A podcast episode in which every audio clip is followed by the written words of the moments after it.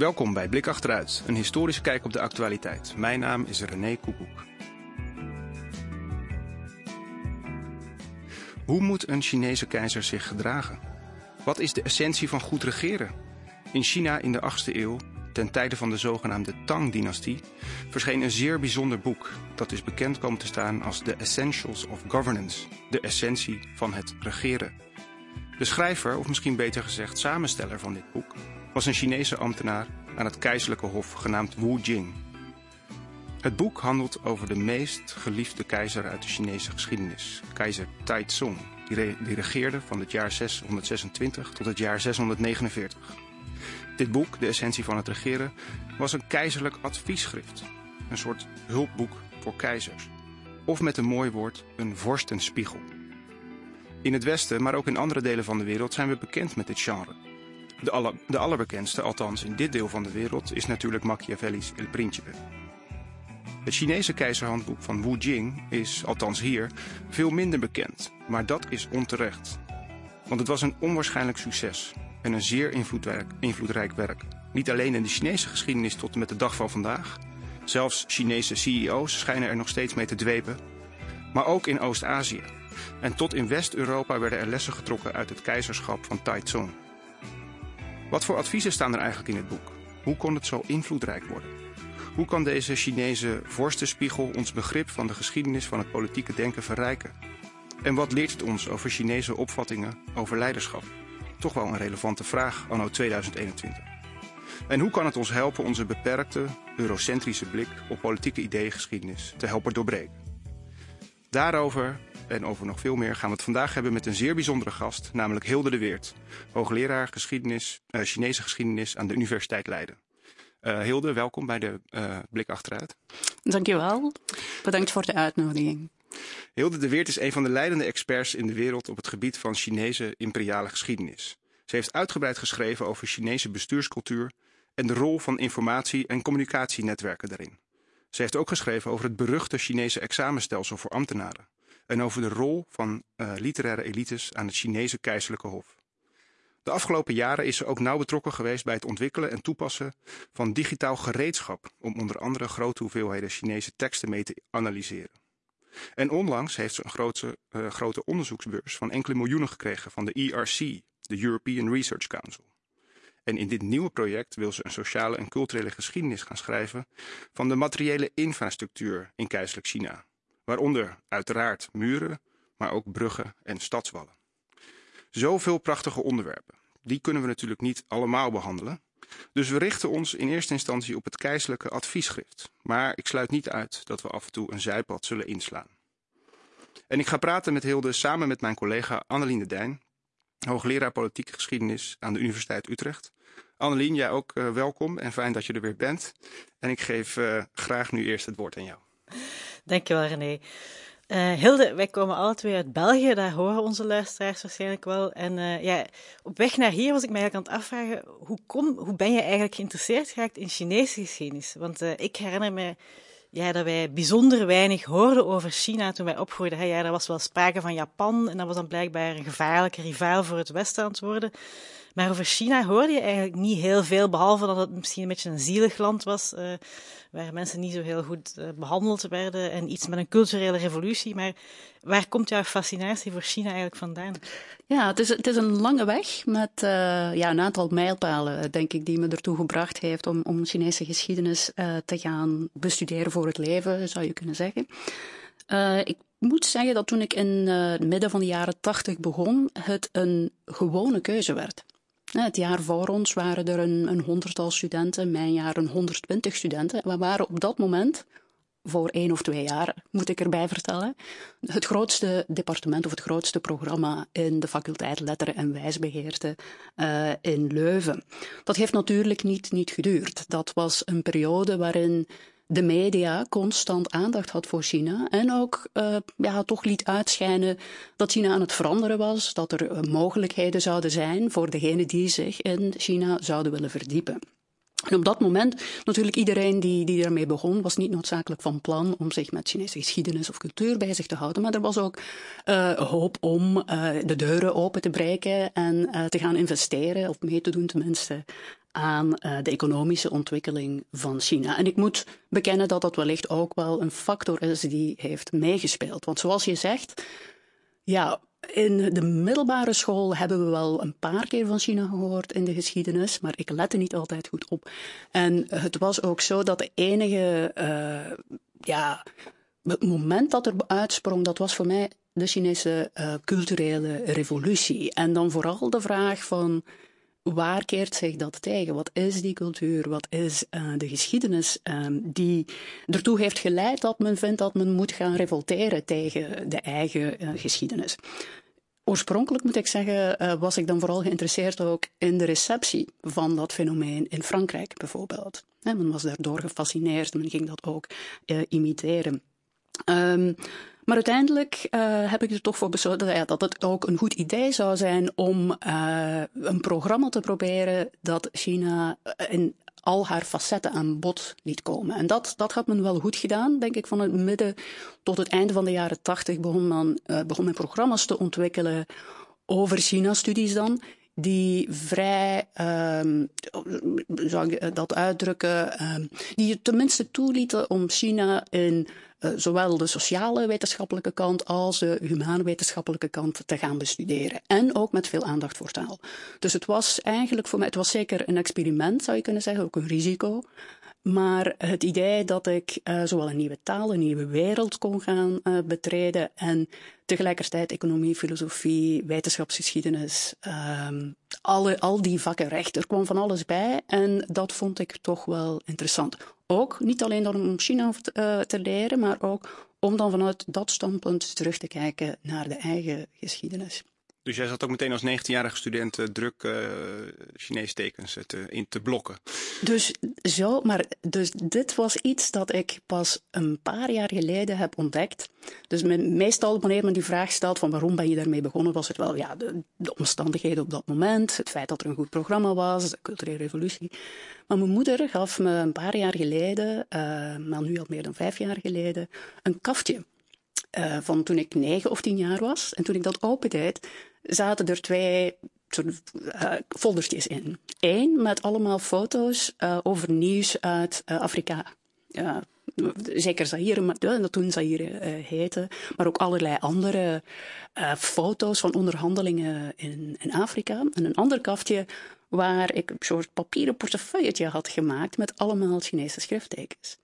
En ik was dat totaal vergeten. Maar dus dat, dat riep wel het idee toen op dat ik misschien dat ja, toch in het onderbewuste ook bijgehouden heb. Dat ja, die, dat, dat schrift, hè, die taal ook wel interessant was op zich. Een heel andere taal dan Europese talen waarmee wij in België en hier uh, mee vertrouwd zijn. Maar je bent dan naar de VS gegaan om je studies daar verder te zetten. Uh, wat motiveerde je om dat dan te doen? Dat, uh, twee aspecten zou ik zeggen. Ik moet zeggen dat ook vanuit een pedagogisch standpunt mij dat aantrok. Uh, toen ik in mijn vierde jaar zat, de BA was toen het licentiaatsprogramma, dat was vier jaar, begon ik te kijken naar waar zou ik naartoe willen. China of Taiwan of, of Leiden was op dat moment ook een keuze. Uh, en ik moet zeggen dat uh, de persoon die kwam vertellen over studeren in de Verenigde Staten voor mij het meest overtuigend was. Omdat ze aangaf dat het daar echt wel ging over het stellen van vragen. En het doornemen van een heel wat literatuur, maar vooral vanuit een vraaggericht uh, pedagogisch standpunt. En dat was voor mij nieuw. Ik, moet, ik, heb het in Leuven uiteraard goed gedaan, maar de nadruk lag toch heel sterk op het uh, reproduceren van kennis op, tijdens mondelinge examens. En ik was wel klaar voor iets nieuws. En ik denk wel dat dat, dat, dat is gelukt. Inhoudelijk moet ik zeggen, dat is iets dat pas geleidelijk duidelijk is geworden. Maar het, um, het werd me duidelijk dat ik eigenlijk vooral geïnteresseerd was in de organisatie, de structuur van kennis. En hoe verschuivingen in, in kennis um, plaatsvinden, hoe je dat kan verklaren. Uh, en dat uitte zich op, ook op, op, dat moment nog in Leuven, doordat ik uh, ging een, een, kleine toespraak houden over een van de eerste encyclopedieën in de Chinese geschiedenis. Het was een soort welsprekendheidswedstrijdje. Uh, maar uiteindelijk legde dat denk ik wel een fundament die, die ik dan meege, dat ik dan meegenomen heb naar um, Harvard was dat.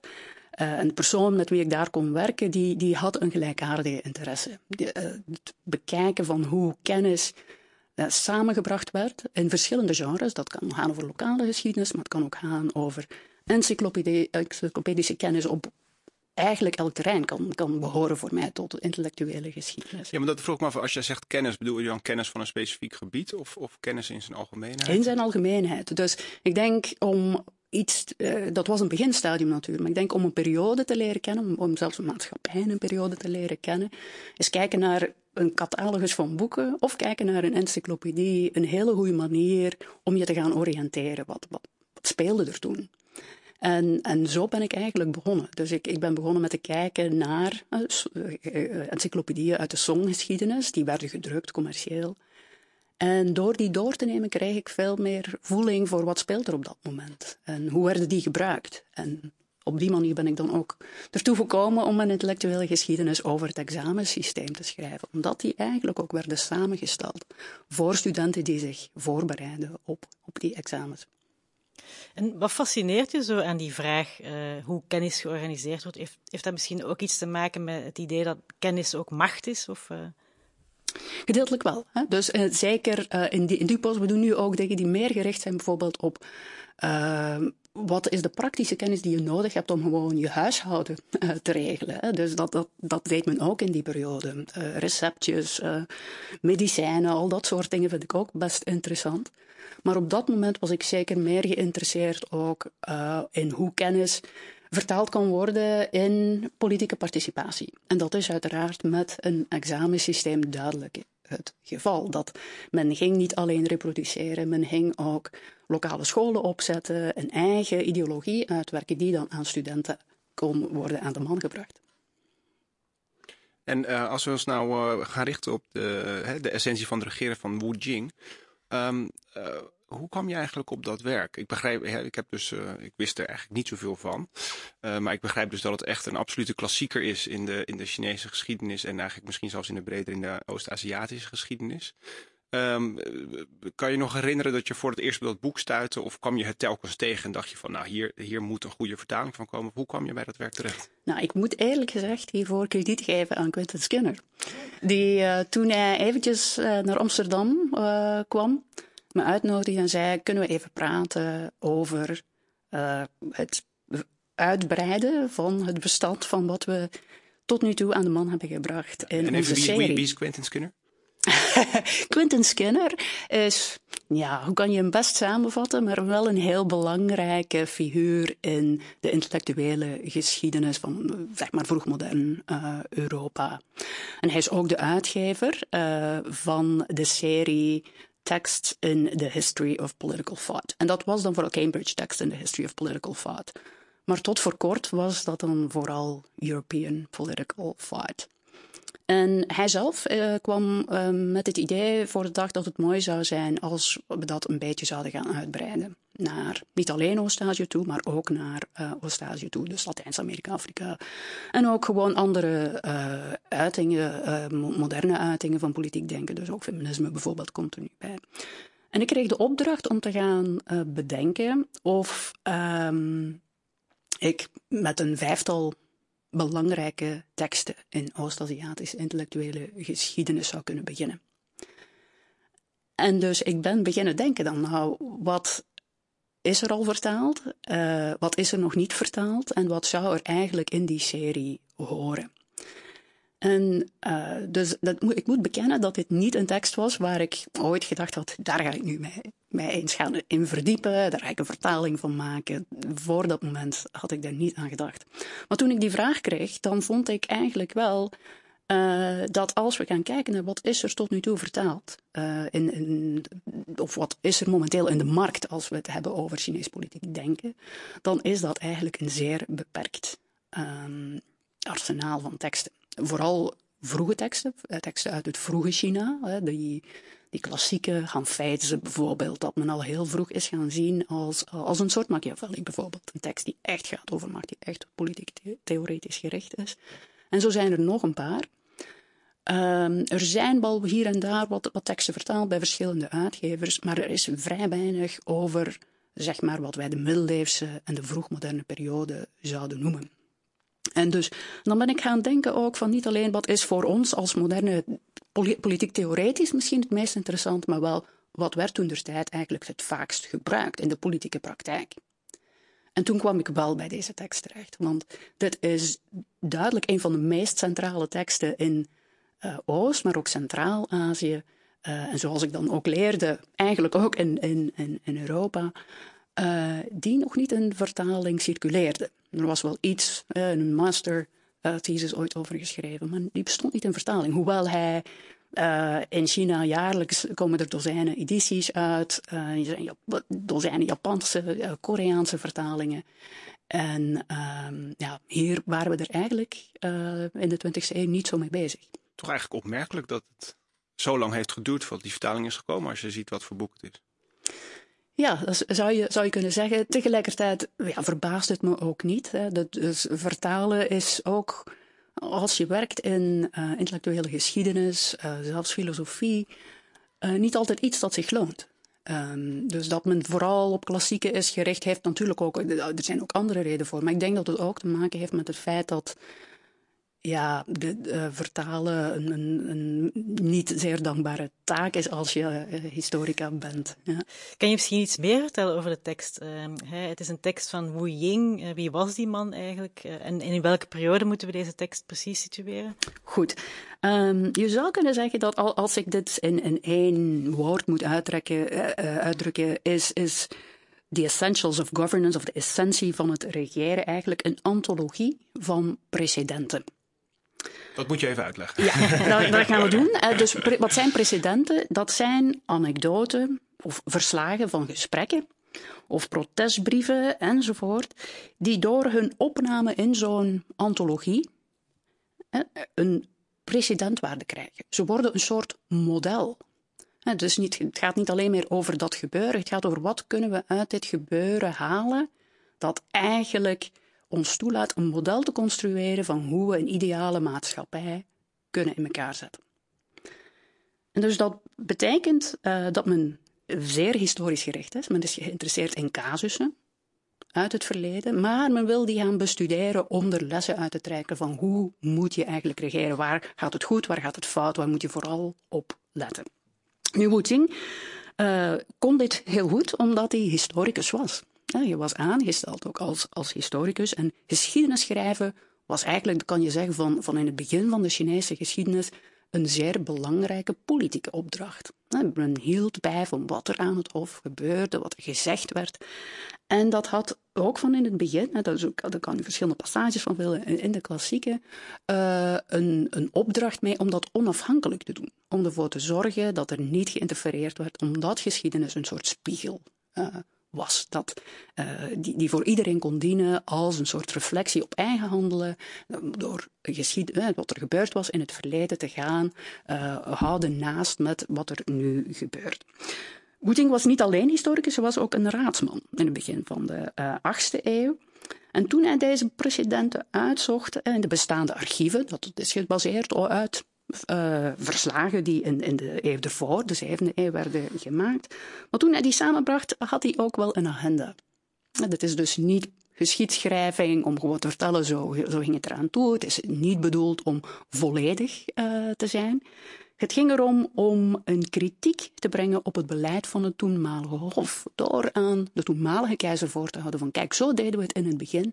En daarom is Taizong, de tweede keizer van de Tang, succesvol geweest. Als je zijn voorbeeld gaat volgen, als je gaat bijsturen op basis van dat model, dan kunnen we misschien verder. Doen we dit niet, dan bestaat het gevaar dat deze dynastie het niet gaat redden. En dat was ook wel op dat moment een soort crisismoment. Hè. Het midden van de 8e eeuw, denk maar aan de Battle of Talis, ook een heel belangrijk wapenfeit dat aangaf dat uh, het ja, misschien niet helemaal goed ging met, met het, uh, het hangrijk. En hij ging dus op zoek naar een, een soort model. Nu, wat, wat er misschien nog bij komt, wat me ook moet bijvertellen dat belangrijk is, het is niet alleen een antologie die zomaar bestaat uit een chronologisch overzicht van, van feitjes. Het heeft ook een heel duidelijke structuur die met opzet uh, is gecreëerd om een aantal dingen heel duidelijk te maken. Dat wanneer je de geschiedenis gaat gebruiken, dan kan je, als je geïnteresseerd bent in politiek, drie dingen gaan doen, volgens Woeting. Je kan eerst en vooral een kader uitzetten van dit is de structuur van onze regering. We hebben een bureaucratie, die ziet er zo uit, de relaties tussen die bureaucratie en het Hof ziet er zo uit en zo meer. Dus je kan gaan nadenken over instellingen, procedures, praktijken die eigenlijk al een, een, een zekere stabiliteit hebben. Dus dat was belangrijk, dat men dat kon zien. Tweede uh, aspect dat heel belangrijk is, is voor Wu dat je ook, uh, en je is in dit geval zeker, zijn publiek was een heerser dat je kan gaan leren van hoe je met verschillende groepen mensen die eigenlijk ook uit zijn op de macht moet leren omgaan. Wie die mensen zijn, maar ook hoe je met hen moet omgaan. Uh, dat houdt bijvoorbeeld in dat hij moest leren zijn familie onder controle te houden. En de zonen, zowel als de aangetrouwde familie en zo meer. De entourage, persoonlijke entourage. Ik, moet meteen denken aan, aan, aan hofintriges, waar je als het ware of de familie van Donald Trump. Nou ja, bijvoorbeeld. Ja. Die lijkt daar ook last mee te hebben. Van, van Precies, ja. Onder de heerser zit een hele groep mensen die allemaal iets van je willen, invloed willen uitoefenen met elkaar, strijden om, om, om een plekje aan tafel, zullen we maar zeggen. En, en, en hoe je daar dus als keizer op een, nou ja, effectieve manier Ja. mee omgaat. En dus een van de problemen, en dat is denk ik ook wel interessant vanuit een, een eh, vergelijkend perspectief, daar is, ga je die gaan controleren door een soort feodaal systeem te creëren? Je, je dan elk stukje ver weg van het hof en daar kunnen ze doen wat ze willen. Of ga je ervoor zorgen om ze dichtbij te houden en heel sterk te controleren, niet te veel mogelijkheden te geven? En daar is dus een hele discussie over. Nu moet ik wel zeggen, dat is misschien ook belangrijk om, om te weten, deze tekst, men ziet het vaak, of het wordt tenminste gepresenteerd als een soort, dit is de essentie van het Chinese regeren. Nu, dat is wellicht geen goede manier om daarover na te denken. Precies omdat er vanuit die entourages heel andere opvattingen waren over wat, wat is goed bestuur. En deze versie is duidelijk een versie die uh, vooral bij personen zoals Wu Ting, die deel uitmaakten van de bureaucratie, uh, aansprak. Dus hij, hij legde uit van zo ziet de bureaucratie eruit en wat is de rol daarin van, van de keizer. Wat uh, zijn de andere groepen waarmee je rekening moet houden? En tot slot, en dat is ook uh, heel belangrijk, wat zijn de deugden? Wat is het soort zelfdiscipline uh, dat een, een keizer of een heerser aan de dag moet leggen om ervoor te zorgen dat dat lichaam, dat politieke lichaam, overeind blijft? En dat zijn zo de drie aspecten die in die structuur die hij in de tekst aanbrengt uh, aan de orde komen. En wat ik ook interessant vind is dat uh, veel mensen die westerse politieke ideeëngeschiedenis hebben uh, gestudeerd, die zijn vaak gewend aan traktaten, hè, wat, wat, langere systematische uiteenzettingen, denk aan nou ja, Hobbes, Locke of andere. Maar dit is eigenlijk veel meer een bloemlezing van verschillende soorten ja, literaire vormen. dus soms een, soms een gedicht, soms een verslag van een gesprek, soms een, ehm, een protestbrief. Dus dat geeft het werk ook een, een, een wat meer literair karakter, kan ik me zo voorstellen. Ja, en dat zien wij nu zo. Maar het is heel belangrijk om voor ogen te hebben dat tot vrij kort, ik zou zeggen misschien tot, tot en met de 18e eeuw, het vrij gewoon was om politiek denken in verschillende genres te uiten. dat was ook in Europa zo. Ja, Zeker. dus ja. essays, uh, utopische fictie bijvoorbeeld. Dat, was, dat werd beoefend door mensen die ook heel theoretisch uh, te werk gingen. Dat was ook in de Chinese geschiedenis zo. En dat deze personen schreven ook ja, lange rapporten over heel technische onderwerpen.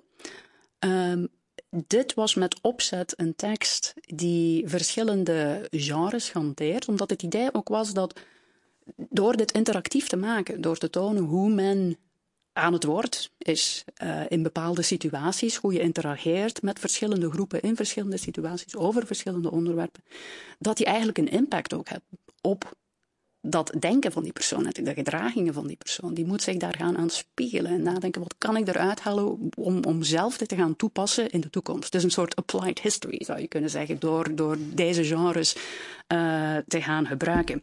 En het, dus, het heeft ook een taaleffect. Dus vooral in Japan zien we dat ook, dat men de conversaties gaat uitlichten, ook concepten gaat uitlichten, om die gewoon de politieke taal uh, te gaan aanwenden. Uh, en, en dus dat, dat verhalende heeft denk ik wel een, een impact over het soort, um, ja, de soort lessen dat, dat, dat je eruit kan halen. En, en wellicht ook het succes van de tekst. Overigens geldt het evenzeer voor Europese vorstenspiegels. Van, en ook um, andere Aziatische vorstenspiegels. Denk maar Indische, Arabische, Perzische vorstenspiegels. Die doen dat allemaal.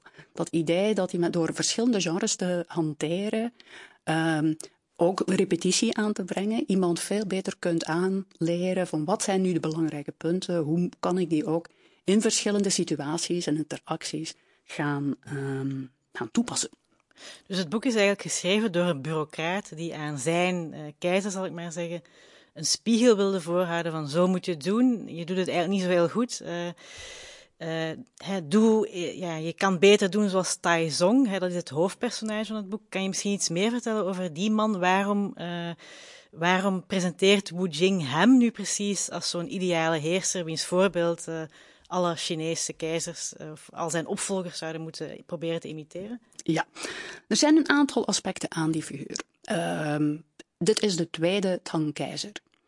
Je zou kunnen zeggen, in het algemeen is een, een, tweede keizer van een dynastie eigenlijk een heel belangrijke figuur. Omdat hij er moet voor zorgen dat, hè, wanneer zo'n dynastie wordt opgericht, dat die een tijdje kan duren. Dat zijn meestal zo figuren die een, tenminste in de latere geschiedenis gezien worden als figuren die zo'n rijk consolideren. En Taizong wordt zeker zo gezien. Op dat moment, maar ook later in de geschiedenis als een figuur die, dus nadat zijn vader dit uh, militair uh, dat rijk heeft samengebracht, ervoor te zorgen uh, dat het ook een tijdje gaat duren. Nu, de tweede reden waarom dat een belangrijke figuur is, dat hij ook een tijdje heeft kunnen meegaan om dat, om dat te doen. Hè. Dus hij regeert, je zei het al eerder, uh, René, tussen 626 en 649. Dus het, is, het laat hem ook toe om een aantal dingen te gaan doen op verschillende terreinen. Dus hij blijft, het is echt wel een militaire aristocraat. Hij, blijft ook wel sterk investeren in uh, campagnes. En dit, is iets dat niet altijd goed ligt. Je gaat zien, dit is een punt van kritiek voor, voor die uh, bureaucratische elites die hier aan het woord zijn.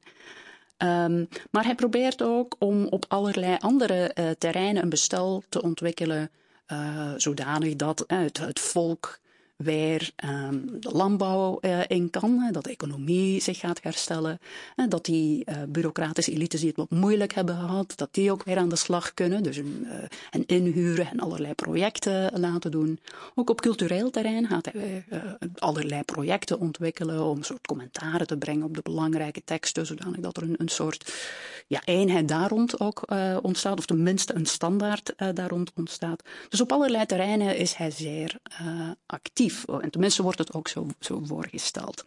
Maar het is ook een ambivalente figuur. En dat is ook heel belangrijk. Dus dit is ook een werk dat uh, deel uitmaakt van een serie werken, waar ook hij uh, bedrijvig in was, om een soort beeld te projecteren van een man die uh, na misschien een beetje een moeilijke periode in het begin eigenlijk tot inkeer was gekomen en uh, vooral het welzijn van het volk uh, ter harte droeg.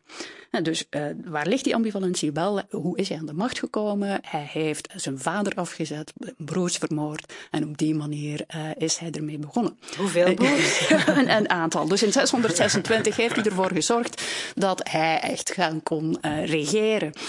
En, uh, ja, dat is ja. mooi, want dat is niet direct het, het, soort van model waarvan je denkt van nou... Precies. daar, daar dat zou Erasmus zeker Dus, maar dat maakt hem ook interessant. En ook voor veel latere figuren, ook in Europa, is dit een interessante figuur, omdat hij... Ja, hij moest zijn reputatie redden. Daar was hij constant mee bezig, dat hij omwille van dat feit toch wel die druk voelde van... Ja, ik moet mijn bestuur nu gaan legitimeren. Ik heb ja, de persoon die dit rijk heeft opgericht helemaal aan de kant geschoven. Dat is ook nog mijn vader. Waarom heb ik dat dan gedaan? Dus ik moet tonen dat ik dat eigenlijk ook met goede bedoelingen doe. Ook het feit dat hij dat vaak ook toegeeft. Dus dat hij beseft van ik heb die fouten gemaakt. Maar kijk, ik probeer daar wat aan te doen. En dat is het beeld dat men in deze ik tekst... Ik heb alle broers gemaakt. Wel, dat, dat, dus dat dat voor goede redenen was, maar ook vooral dat um, ja, men daar niet moest gaan op focussen. Hè, dat men moest gaan focussen op wat er zou, wat er zou komen.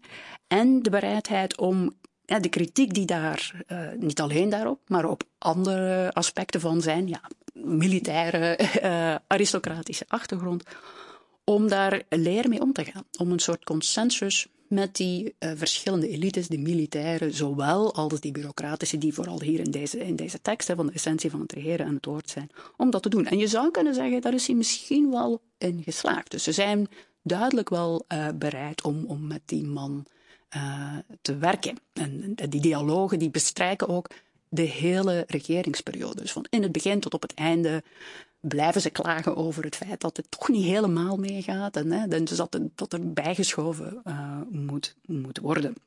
En, wat zijn nou een paar in grote uh, streken, zullen we maar zeggen, grote uh, lijnen, een aantal van de belangrijkste adviezen die in dat boek terugkeren? Ja, en, en, en dat is in zekere zin moeilijk. Dus ik, ik ga er een aantal uitlichten hoor, ik ga je vraag beantwoorden. Maar uiteindelijk ga je terugzien dat wat men eruit ligt heel sterk gaat verschillen van periode tot periode. Dat is nu het geval, dat was in de hangperiode het geval, dat is ook vroeg modern Europa het geval.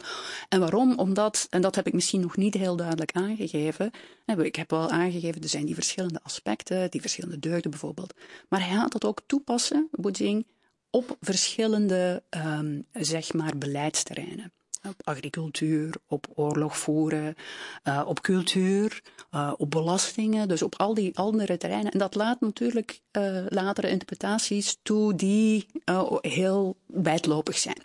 Maar als ik er twee of drie moet uitleggen, dan zou ik zeggen het eerste, dat heel sterk aanslaat, en in, in de meeste van die gevallen, is het feit dat hij um, participatorisch werkt, laten we dat zo zeggen, dat hij bereid is om um, critici te, uh, aan te werven en die ook hun taak te laten doen. En wat doen die dan? En daar ga je veel voorbeelden van terugvinden in deze tekst. Die schrijven protestbrieven.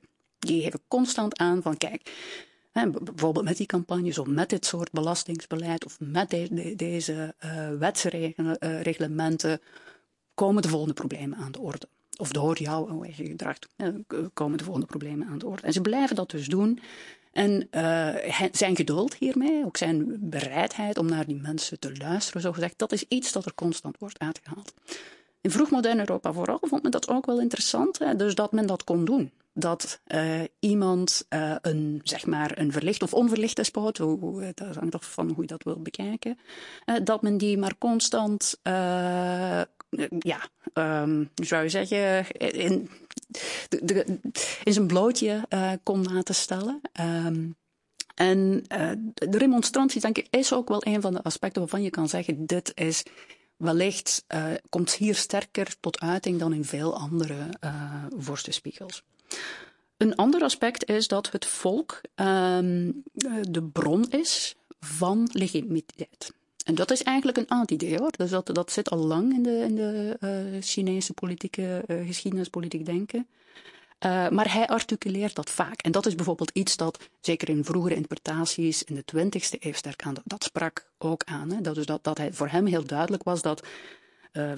En hij haalt dan eigenlijk een ouder citaat aan, maar dat um, en het, volk, uh, de woede van, van het volk op je nek halen, dat dat leidt tot het einde van je bestuur. Uh, het volk is eigenlijk het water dat je boot uh, drijvende houdt. En ehm, als je daardoor bepaalde maatregelen tegen ingaat, het moeilijk maakt voor het volk, dan, dan komt je staat ten einde.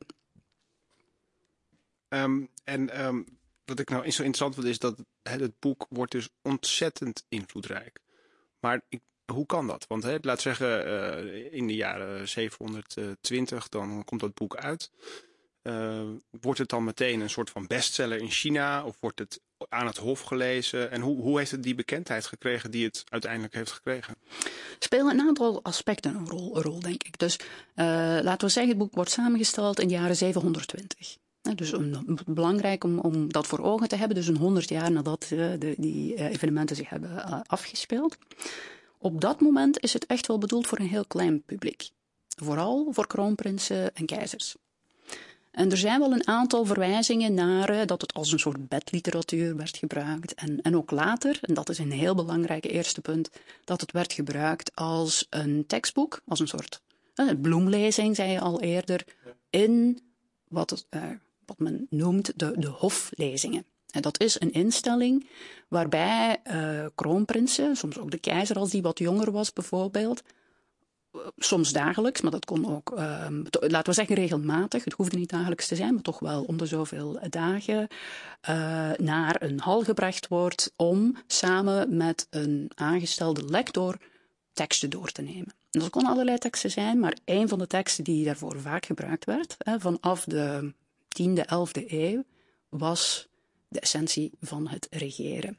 Waarom is het belangrijk? Wel, niet alleen ehm, voor, voor dat publiek. Het geeft ook aan dat dit een tekst is die autoriteit heeft aan het Hof. En dan gaat men dat dus ook in de provincies gaan overnemen, wordt het een, een belangrijke uh, tekst. Je zou kunnen, het gaat vrij snel naar Japan. Hè, de 9e, 10e eeuw uh, zijn er allerlei manuscripten die dan beginnen uh, circuleren in Japan. En daar is, is je zou je kunnen zeggen, ehm, wordt het aangepast voor verschillende publieken.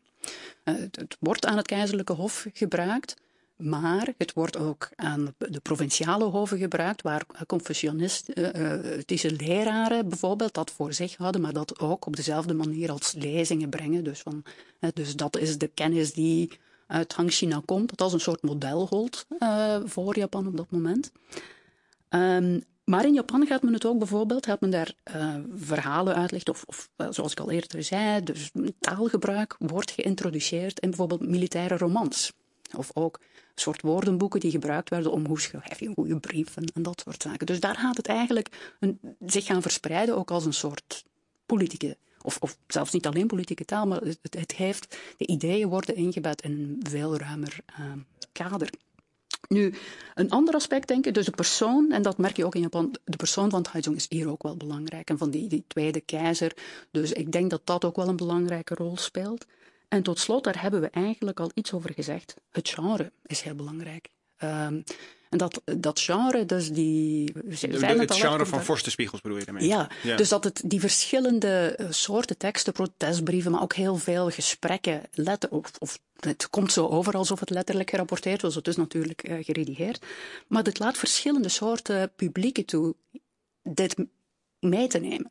En je kan het als een keizer lezen, uh, de, de, niet alleen Chinese keizers overigens, maar ook uh, Tangut, um, uh, Jurchen, um, Khitan, alle Mongoolse... Dat zijn allemaal Centraal-Aziatische volkeren. Precies, ja. die hebben die teksten vertaald, uh, omdat die figuur ook aansprak aan zeg maar niet, niet Chinees in de zin van niet Chinees-talige keizers, die dit ook zagen als dat, dat, daar kunnen we ons ook wel in vinden. Die, uh, die had een zekere populariteit daar.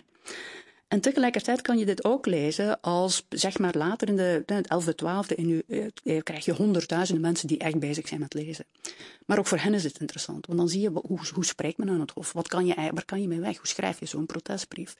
Uh, en hoe kan je dit soort ideeën ook toepassen op het leiding geven binnen je eigen context? Um, ja, dus ja. Vanaf de 18e eeuw, uh, dat vermeld je daarnet uh, eventjes, begint men dit boek ook in Europa te lezen. Dat vind ik toch wel heel eigenaardig, hè? want uh, we zijn al een goede duizend jaar verder. Um, van waar dat men ineens in Europa ook, ook dit boek begint te lezen en zich begint te interesseren voor die figuur van Taizong. Ja, ik vond het ook heel bijzonder. Het is dus in uh, het proces van het schrijven van een inleiding hiervoor dat ik me een beetje wou gaan verdiepen daarin. En ik, ja, het, wordt nu een apart boek. Dit, dit, met, met tenminste twee hoofdstukken die over het Europese deel gaan. Ik, ik moet één, een beetje bijsturen dat niet dit hele boek is toen vertaald, maar wel selecties eruit. En, en vooral die protestbrieven, die spraken heel sterk aan. Een aantal van de anekdotes komen ook terug. Of die nu uit die tekst komen of uit andere geschiedenis, dat weten we niet helemaal zeker. Tegelijkertijd zijn twee van de andere vorstenspiegels die aan Taizong werden toegewijd ook vertaald in die periode. En dat, heeft ermee, dat speelt denk ik wel een belangrijke rol waarom ze zich dan echt gaan focussen op Taizong als uh, modelfiguur voor, uh, voor het regeren. Het is misschien niet zo verbazingwekkend als we ons echt terugplaatsen in de 17e, 18e eeuwse Europese context. En dat is denk ik wel een interessante oefening. Als je wil zien waarom vond men dat interessant. Dat genre was toen ook nog courant. Ja, men schrijft nog vorstenspiegels. Eh, sommige van de meest populaire teksten op dat moment vielen ook in dat genre. Uh, bijvoorbeeld uh, Fénelon Télémaque. Dat is natuurlijk is ook een, een, soort ontwikkelingsroman, maar het wordt ook gebruikt als een soort uh, tekst die heersers op verschillende niveaus zou moeten toelaten zich te ontwikkelen. En op, daar moet je, je kan er ook zo over denken dat het ingezet wordt als een soort ontwikkelingsroman. Een soort leiderschapsbeelddoen. Precies, uh, precies. En dus hoe komt het? De, dus de, dat heeft zeker te maken met de grote uh, ja, inzet die de, de Jezuïeten uh, hebben gedaan om Chinese teksten te vertalen. En toen zij dat gingen vertalen, zagen zij het niet als een geschiedenisboek, by the way. Dus dit maakte deel uit van teksten die zij in gebruik zagen aan het Manchuhof. Dus in de late 17e eeuw uh, merkte men op dat de, de, de op dat moment een antologie had gemaakt van belangrijke teksten.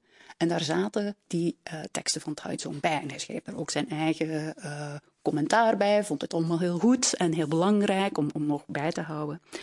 En uh, Hervouet, een, een, een jezuïet, heeft dat toen vertaald teruggestuurd naar Parijs. En in Parijs was Jean-Baptiste Duhalde bezig met het samenstellen van, je zou kunnen zeggen, een encyclopedie over China. En toen dat in 1735 uitkwam, werd dit eigenlijk een bestseller. En dat, dat werd uh, eerst in het Frans, waren er verschillende edities, in Parijs en Den Haag. Maar het werd ook vertaald naar het Duits, naar het Engels. Het is ook een Russische vertaling, maar die, die teksten uh, van Taizong zitten er niet bij. Maar in ieder geval... Uh, was dat op die manier beschikbaar, zou je kunnen zeggen, doorheen Europa.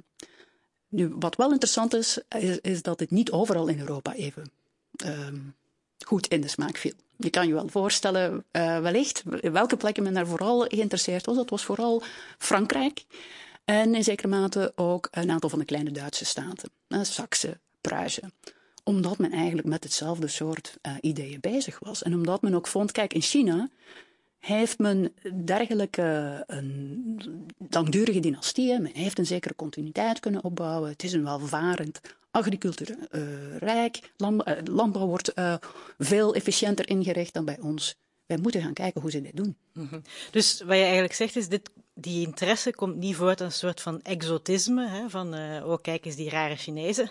Nee, het is echt vanuit een zekere herkenning en, en misschien zelfs uh, meer nog dan herkenning uh, dat, dat in bepaalde contexten in Europa in de 18e eeuw China nog wel echt werd gezien als een soort van ideale of toch betere maatschappij dan die Europese maatschappij. Precies.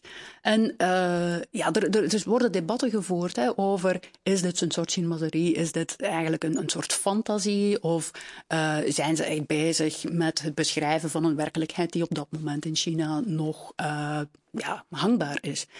En ik ben nu toch meer geneigd om naar dat tweede te gaan kijken. Dus wanneer je kijkt naar die, de teksten die ze vertalen, waren inderdaad toen in het gebruik. En in gebruik in China en met eenzelfde soort insteek. Dit zijn modellen. Dit betekent niet dat alles hier even goed loopt. En als je kijkt naar hoe dat in Frankrijk en Duitsland op dat moment wordt toegepast, heeft men ook wel door dat dit modellen zijn, dat dit theorie is, hè, dat het niet altijd even goed loopt, maar dat het wel theorie en modellen zijn die relevant zijn om specifieke problemen in het Europese politieke bedrijf te gaan oplossen. En een van de specifieke problemen, dus het hoofdprobleem, denk ik, zowel in, in, in Frankrijk als Duitsland, is het beperken van de absolute macht van, van heersers. En ze willen gaan kijken van hoe heeft men dat in China kunnen doen.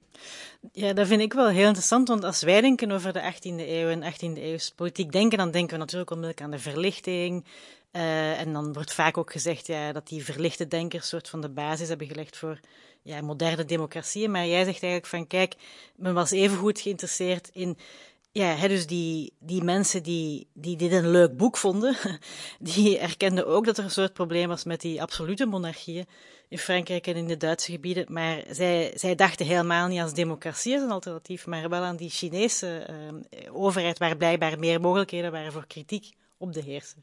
Precies. En het zijn, je zou kunnen zeggen, figuren waar wij misschien wel een dubbel gevoel bij krijgen. Hè? Dus uh, een van de figuren, om maar een naam te noemen, Johan Gottlob van Justi, uh, wordt gezien als grondweg van politieke economie, public finance, heel wat van die uh, uh, ja, onderzoeksgebieden waar, die echt wel bezig waren met van hoe kunnen we een, een maatschappij creëren waar het uh, de publieke gezondheid beter gaat, waar de veiligheid groter is, waar het, uh, iedereen kan deel kan iets halen uit economische welvaart. Um, tegelijkertijd was dit iemand die vond dat, dat dit best bereikt kan worden door een absolute monarchie in stand te houden. dus dat, uh, dat, dat zien wij misschien wel anders. Maar het is dus, wij zouden hem kunnen zien als een conservatieve figuur, maar tegelijkertijd zie je dat hij toch wel heel veel van die dingen uh, ja, zou zijn sociale welvaartsideeën uh, uit die confrontatie met Chinese denken haalt. En dat hij vindt van als we die monarchie in Europa op deze manier gaan bijschaven, dat, dat het meer bezig is, dat we meer bezig zijn met het beperken van de uitwassen ervan en met het investeren in landbouw, in uh, publieke gezondheid en zo meer. Uh, dan gaan we misschien wel die richting van China kunnen gaan. Dus het was zeker zo, en dat is, dan spreken we toch nog tot late 18e eeuw, uh, dat men zelfs tegen Montesquieu in vasthield. Um, dat Europa eigenlijk uh, in vergelijking met heel wat uh, Aziatische, zowel als Afrikaanse of zelfs Latijns-Amerikaanse uh, landen achterliep. En dat vooral in Frankrijk en Duitsland was het heel sterk gericht op het feit dat er te veel oorlog was en dat de landbouw echt niet in orde was. Dat er de, de, de standenverschillen nog veel te groot waren in vergelijking met, met wat je elders zag. Dit, dit nodigt wel uit tot een hele mooie perspectiefwisseling uh, wat dat betreft op uh, bestaande verhalen over de relatie tussen, uh, tussen China en Europa. Ik wil even een sprongetje maken naar de, naar de 20e eeuw, want um, ik heb ook, even zitten, zitten, zitten googlen op, op, op Taizong en de, de, Essentials of Governance. En ik vond het interessant, want ik zag dat eigenlijk nog steeds hij continu wordt aangehaald um, door Chinese CEO's. Ik, ik begreep zelfs dat er een soort van uh, ja, een soort van pocket editie uh, is gekomen. Die is ook wel in, in uh, vliegveldkiosken te vinden is. Dus, dus blijkt tot diep tot in de 20 tot in de 21ste eeuw blijft die dus nog steeds aangehaald worden. Ook in het Chinese politieke debat door politici, denkers, et cetera. Wat kun je daarover vertellen? Ja, um, dit, dit is zo. En dit, dit eigenlijk, dat was ook iets dat, dat mij opviel. Het is een vrij constante. Dus we hebben dat in de vroege 20e eeuw, maar het blijft ook duren doorheen uh, de geschiedenis van de Volksrepubliek China. En momenteel zien we het nog veel sterker uh, terugkomen. Dat, dat heeft zijn reden. Het is niet alleen voor dit boek, dat is ook voor andere oude literatuur, omdat men toch uh, terug wil naar eigen Chinese roots. Dus wij, wij hebben ook ideeën die je kan inzetten in management, die je kan inzetten in hoe je best kunt regeren en zo meer. En dat men zich daar terug gaat oprichten. Nu, je, had het ook over ja, CEO's die dat zien. Het Hang Xinghua, die, die die bijvoorbeeld aangeeft dat hij ja, de eerste MBA uit Harvard, die, die dit een soort vertaling eerder een adaptatie in de markt heeft gezet, die inderdaad in allerlei talen uh, is vertaald en die overal uh, de, ja, in vlieghavens en zo meer uh, beschikbaar was voor een tijd. En daar krijg je wel het idee dus dat men ja, een beetje zo, dat gebeurt ook in de 18e eeuw, dat men zich gaat inlezen in, in, in die verhalen. Dus dat, dat idee van uh, dat participatorisch bestuur, van luisteren naar medewerkers en op basis van die input gaan beslissen, uh, het openstaan voor kritiek, um, het vooral ook bezig zijn met zelfkritiek. Um, het, volk zien als bron van autoriteit, dat veel van, van uh, dat soort ideeën um, zeg maar gerecycled wordt in, in, um, in dat soort werken. Ik moet er ook bijgeven dat dit is niet alleen in China zo. Uh, dus ook in Japan, in Korea, Maleisië, uh, Singapore, Taiwan zijn daar ja, adaptaties of zelfs ook dikke werken over geschreven van hoe dit eigenlijk op allerlei terreinen nog relevant is. En je moet dat denk ik wel zien ook als um, nationalistische projectie. Hè? Dus dat idee dat, um, dat dit niet alleen zomaar gaat over um, hoe je moet regeren, maar dat het ook specifiek gaat over hoe je een patriotische, uh, deugdelijke persoon uh, kunt ontwikkelen. En het interessante hiervan is dat het eigenlijk al in de 19e eeuw in Europa gebeurt.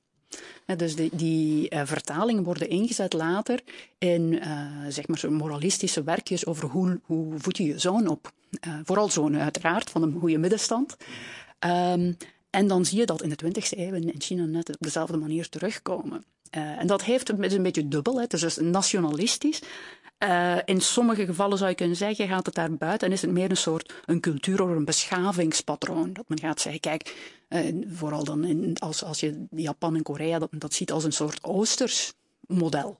Dat anders is, of dat tenminste alternatieven biedt voor de soort managementcultuur die via andere werken dan uit um, meer Amerikaans model zou, zou komen. En dus het, het, het, is, het is wel een beetje, dit maakt deel uit van een soort eigen roots soort of. Um... Nou, ik moest ook denken, ik heb in, uh, in 2017 heb ik uh, een uh, hoogleraar internationale, Chinese internationale betrekkingen geïnterviewd voor de Groene Amsterdammer, Jan Shui-tong. Hij is verbonden aan de Tsinghua Universiteit in Beijing. En um, toen zei hij op een gegeven moment, nou ja, in dat interview van, ja, China moet eigenlijk veel meer een model worden voor de wereld, een moreel leider worden. En toen wierp ik hem tegen in dat interview van, nou ja, ik denk dat het beeld in, in, in Nederland, in het Westen, nog wel wat, uh, wat ambivalent is over hoe uh, China nu uh, opereert. En toen zei hij van ja, nee, daar, ben ik, daar, ik, ben ik, daar ben ik het helemaal mee eens.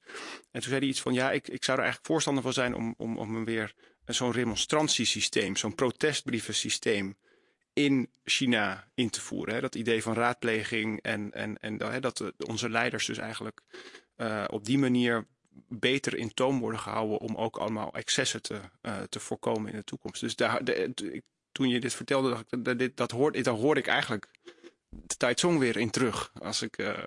Ja, zou je kunnen zeggen, is, is een soort uh, ja, extensie van dat denken. En dat zie je al in de 19e en 20e eeuw, heb je hervormers.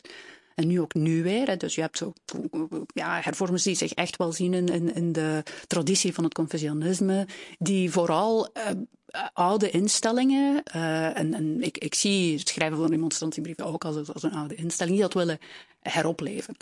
Nu, we weten dat het eigenlijk sowieso blijft deel uitmaken van um, de Chinese politieke praktijk. Hè. Dus denk maar het Tiananmen. De studenten brachten een brief eerst. Dat was de eerste stap. Men, men ging heel uh, op, ja, beleefd en onderdanig een protestbrief brengen. En de escalatie kwam nadat hè, de, die uh, eisen die daar wel gesteld, of tenminste de vraag die er wel is, dat er niet werd op ingegaan. Of tenminste niet door de, de hele regering. Want sommigen waren wel bereid dat te doen, maar niet iedereen. Uh, maar dat soort, dat is één voorbeeld, maar zo zijn er heel veel voorbeelden. Men, men gaat dat soort praktijk van, we gaan al onze problemen hier even netjes opschrijven en dat dan aan het leiderschap uh, bezorgen om een, op die manier hervorming te bewerkstelligen, is iets dat, dat in de praktijk vaak wordt uh, gebruikt. En uh, de populariteit van deze tekst vandaag in China, heeft dat ook iets te maken met bewuste propaganda vanuit de communistische partij? Want als je er met een Machiavelliaans oog naar kijkt, het is wel heel handig om te zeggen, dit is eh, het Chinese model. Hè. Je mag wel kritiek hebben en uh, het volk is de basis van onze autoriteit.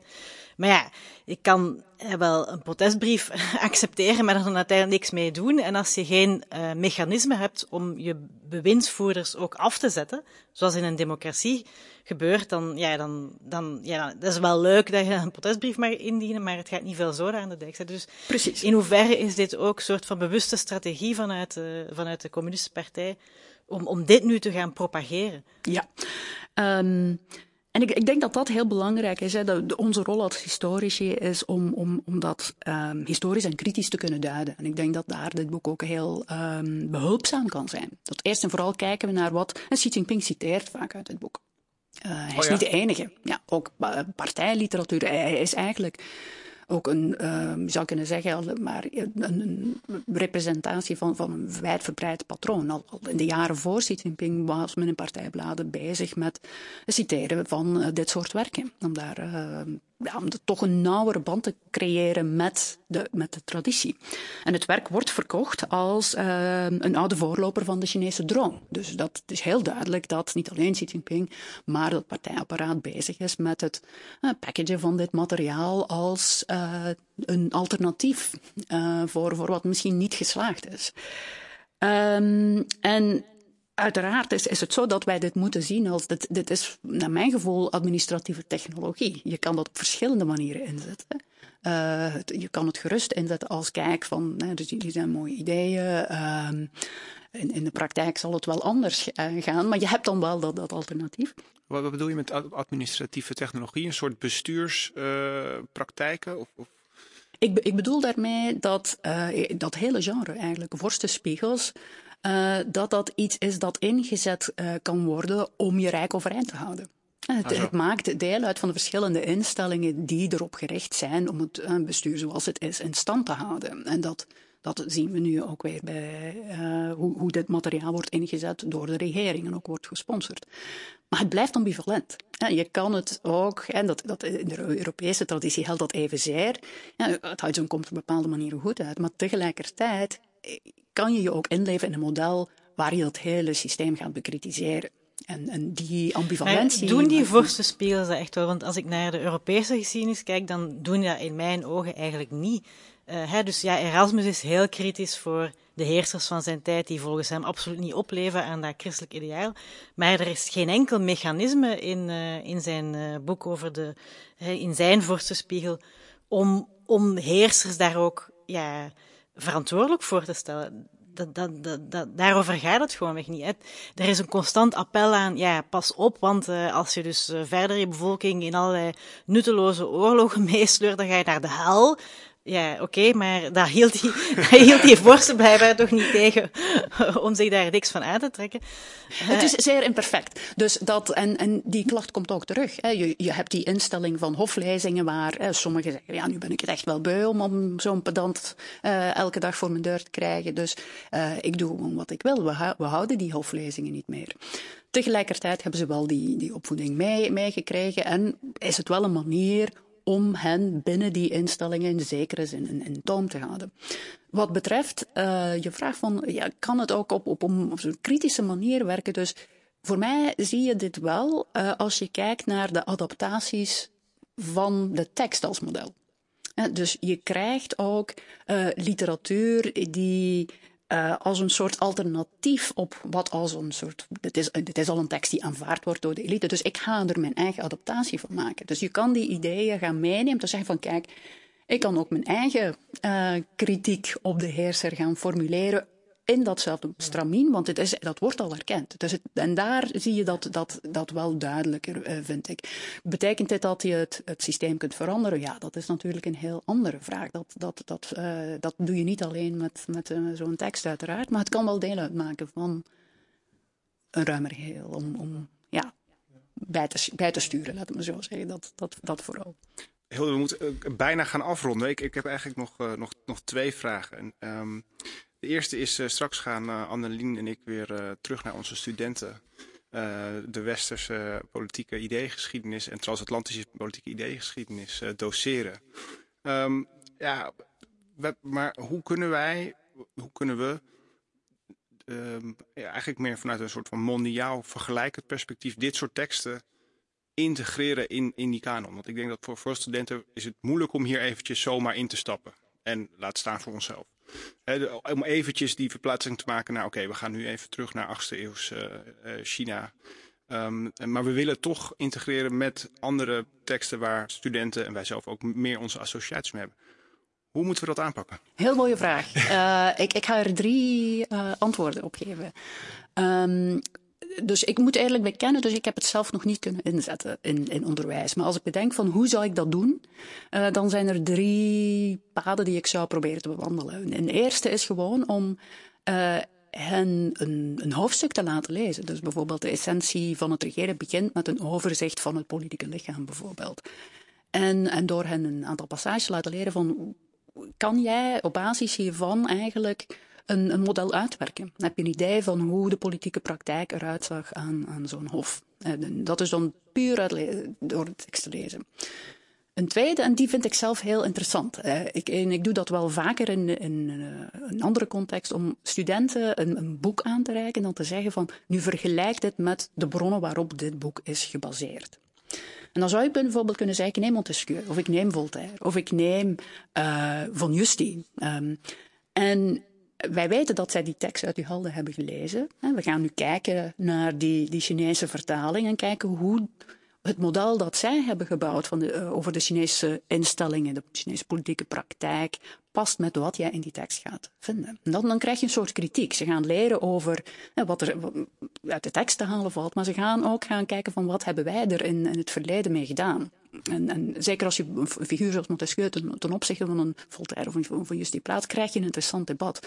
Omdat zij bijvoorbeeld over wanneer het gaat over recht of het gebruik van, van, van straffen, hebben zij heel tegenovergestelde interpretaties daarvan. En ik denk dat, dat in dat geval uh, Von Steenvold bijvoorbeeld wel, wel goed gelezen hadden. Dus je kan een soort tekstkritische studie gaan doen en, en, op die manier ook vergelijkend gaan werken over interpretatie van, van uh, het gebruik van, van recht in, in verschillende maatschappijen.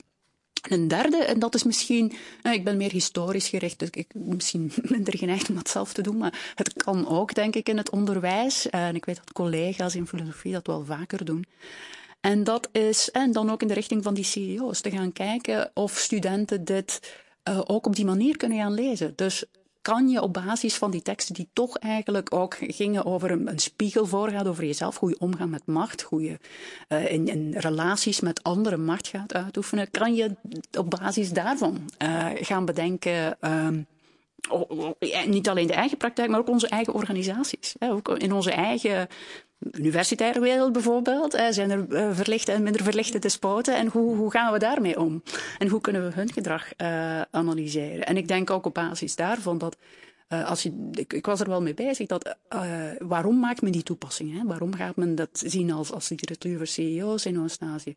Ik denk dat dat daar wel mee te maken heeft. Dat het, de, uiteindelijk is het Hof en is het land ook een soort organisatie. En kan je ook gaan bedenken dat je dit misschien ook op deze ja. manier kan gaan toepassen.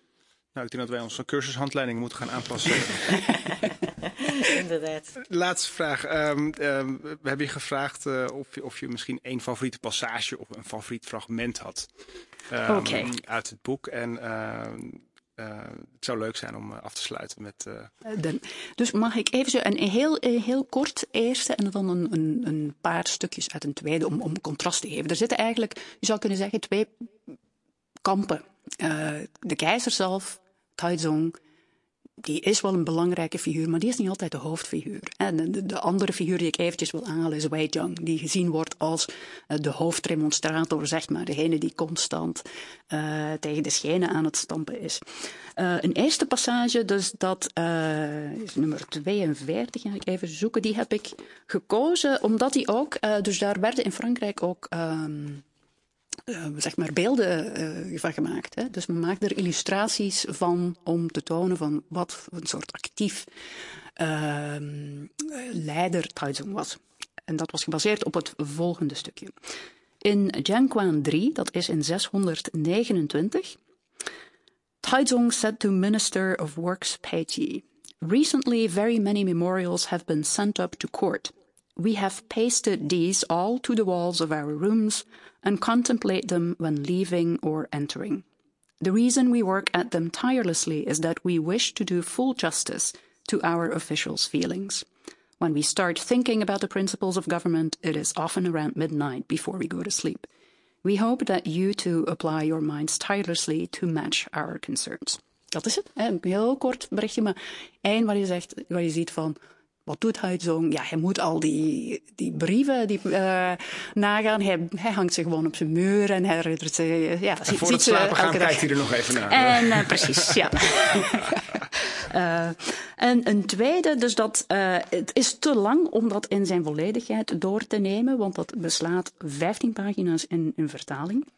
Maar ik wou er heel kort even op ingaan om.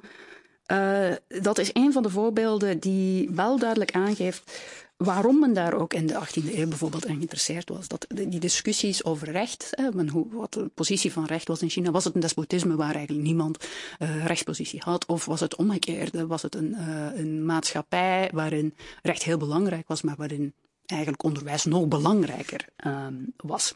Het is heel lang, dus ik ga alleen maar um, heel twee korte stukjes eruit lezen en dan ook de reactie van de keizer uh, erop uh, even uh, kort citeren. Okay. Uh, in general, when handling a legal case, one must fundamentally consider the facts of the offense to be the main concern. One does not harshly interrogate the accused, nor look for unrelated side issues, nor value complications in order to manifest one's intelligence. Therefore, the code regulates the method for bringing an accusation, and reviewing testimony is the means by which the truth is obtained, not a way to embellish it. Ears that carefully collate testimony and listen closely simply prevent legal clerks from fabricating evidence, embellishing testimony, and fabricating documents with their own hands.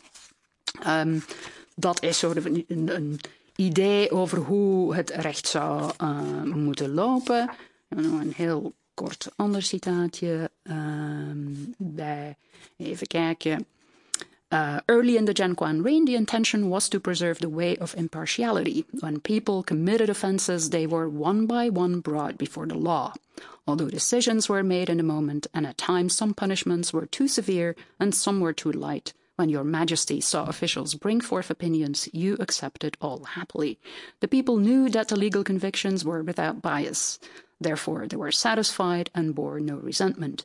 The officials saw that their words were not considered insubordinates, so they exhausted their strength to express their loyalty. In recent years, Your Majesty's thinking has gradually hardened. Although you cast a loose net, whether you take or release the fish that you discover in the river depends on your likes and dislikes. En zo, het blijft maar doorgaan van, kijk, je, het recht ging goed op een bepaald moment, maar nu gebeurt dit niet en je moet bijschaven. En iets wat je dan vaak gaat terugkrijgen, is Taitung reageert dan op al die kritiek en commentaar van wat, wat er fout loopt. Oh, dus nu krijgen we zijn antwoord. Uh. Ja, dit is te lang, ik ga het niet. Uh, dus hij, hij, begint dan eigenlijk met zo'n introspectie en dan op het einde, wat zegt hij? Wat doet hij? Uh, granted way 300 bolts of silk.